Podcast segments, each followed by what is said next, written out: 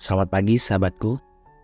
Hari ini kita akan membahas sesuatu yang menarik yaitu pesta Tata Santo Petrus.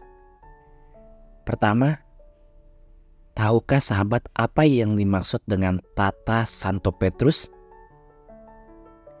Ini bukan sekadar kursi biasa, melainkan tempat duduk uskup di sebuah katedral. Dari sanalah kata katedral berasal, yaitu gereja yang memiliki katedral uskup. Singkatannya, Tata Santo Petrus melambangkan otoritas Petrus. Sahabat, di belakang Basilika Santo Petrus sahabat bisa melihat kursi ini yang dibuat sebagai patung perunggu oleh Bernini pada abad ke-17. Di atasnya terdapat simbol merpati yang mewakili Roh Kudus yang memberi inspirasi kepada Paus. Pertanyaan besarnya adalah mengapa Yesus memilih Petrus? Hanya Tuhan yang tahu.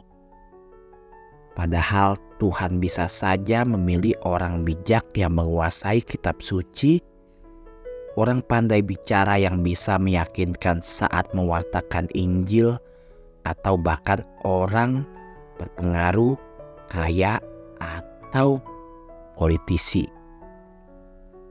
Namun, Yesus justru membutuhkan sosok yang kuat seperti batu karang untuk membangun gerejanya batu karang yang menjadi pondasi tidak perlu cantik tapi harus kokoh.